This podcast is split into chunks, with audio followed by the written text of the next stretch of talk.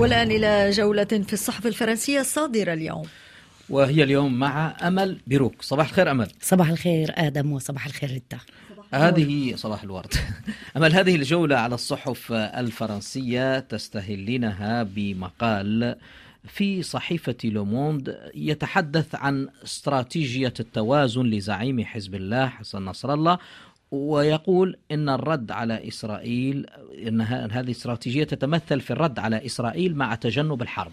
نعم أدم أشارت لوموند إلى أن هدف حسن نصر الله لم يتغير منذ بداية الحرب بين حماس وإسرائيل وهو تقديم الدعم لحماس مع الحفاظ على توازن في المواجهة مع الدولة العبرية وأضافت لوموند أن الزعيم الشيعي وحليفته إيران لا يريدان حربا سيخسران فيها كثيرا ويقول الخبير اللبناني قاسم قصير إن لبنان أمام مرحلة مفصلية وخطيرة وهنا إما تحرك نحو تسوية وإما ستواصل إسرائيل التصعيد مع خطر انزلاق لبنان إلى الحرب. ويعتبر الخبير البريطاني نيكولاس بلانفورد يعتبر أن حزب الله زرع جذوره في لبنان على مدى ثلاثين عاما وقام بعرقلة السلطة لحماية المقاومة ومصالحها ولا زال أو لا يزال يفعل ذلك لضمان وجود رئيس للبنان لا يهدد الميليشيا الشيعية وسلاحها. إلى صحيفة لوفيغارو التي تساءلت إن كان الرئيس الأمريكي جو بايدن يخشى من دفع الثمن لدعمه لإسرائيل.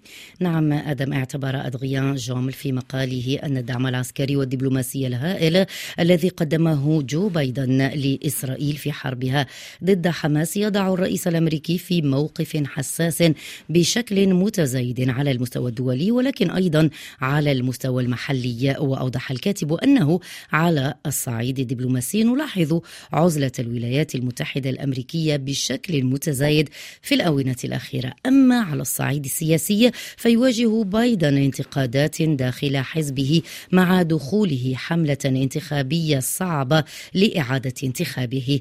ويرى جومل في مقاله أن إدارة بايدن فشلت في إقناع تل أبيب في تغيير استراتيجية قوتها على الأرض للحد من ارتفاع عدد الضحايا المدنيين بين الفلسطينيين وعلى اتخاذ تدابير إنسانية لصالح النازحين الفلسطينيين. ويرى جويل بينا الخبير الأمريكي في تاريخ الشرق الأوسط أنه ليست المرة الأولى التي تنشب فيها خلافات بين تل أبيب وواشنطن لكن الجديد والملفت هذه المرة هو المعارضة الشعبية الأمريكية للسياسات الإسرائيلية وهي حركة تتوسع حسب قوله تتوسع مؤخرا في واشنطن بين الشباب وحتى داخل الأوساط اليهودية الأمريكية نقرأ في صحيفة لوفيغارو وفي صحيفة لوبينيون توقفت عند التساؤل التالي هل تستطيع إسرائيل أن تكسب الحرب دون حل سياسي؟ نقرأ في صحيفة آدم أن الجيش الإسرائيلي يمكن أن يجد نفسه في مأزق استراتيجي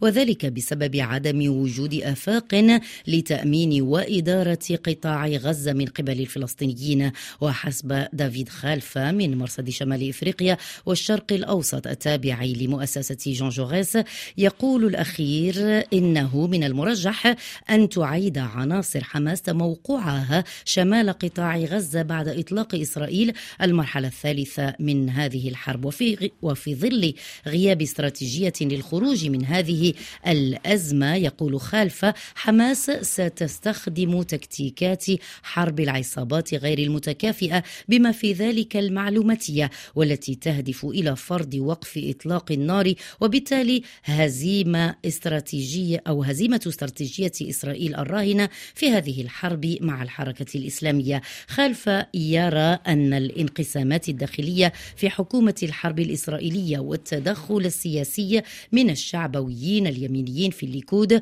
والقوميين المتدينين يهددون بإخراج الحملة العسكرية عن مسارها ومنعها من تحقيق أهدافها الاستراتيجية. كان ذلك الرد على التساؤل هل تستطيع إسرائيل أن تكسب الحرب دون حل سياسي وذلك في صحيفة لوبينيون. أما الآن فإلى لوموند عودة إلى لوموند التي بدأت بها هذه الجولة على الصحف الفرنسية أمل. والصحيفة توقفت عند تولي فرنسا لقيادة تحالف يهدف هذا التحالف إلى تنظيم الدعم العسكري لكييف بالمدفعية. أشارت الصحيفة آدم إلى أن الدول الغربية تحاول منح أوكرانيا المزيد من المساعدات العسكرية مع اقتراب الذكرى الثالثة للغزو الروسي لأوكرانيا. وفرنسا أعلنت عن إطلاق تحالف جديد من باريس لتعزيز وتنظيم قدرات أوكرانيا المدفعية على المدى الطويل وهي وسيلة أساسية يقول الكاتب للحفاظ على خط المواجهة المتجمد منذ فشل الهجوم المضاد الأوكراني الذي بدأ في بداية صيف عام 2023 لوموند نقلت عن مصدر عسكري فرنسي قوله إن فرنسا ترغب أن تكون موجودة على مستوى أكبر داخل جميع القطاعات الأوكرانية. ويبدو أن الأوكرانيين وجدوا أنفسهم أمام أسطول من الأسلحة العسكرية التي منحت لهم من قبل الغربيين ومن الصعب أن يقوموا بصيانة هذا الأسطول. أحد الضباط الفرنسيين أوضح أيضا لصحيفة لوموند أن فكرة هذا التحالف تكمن في الدفع بأوكرانيا نحو العمل بصفة أحسن وأدق على أدواتها الدفاعية بمعدات تلبي معايير حلف شمال الأطلسي من جهة وقابلة لتعامل المتبادل مع الجيوش الغربية. من جهة أخرى.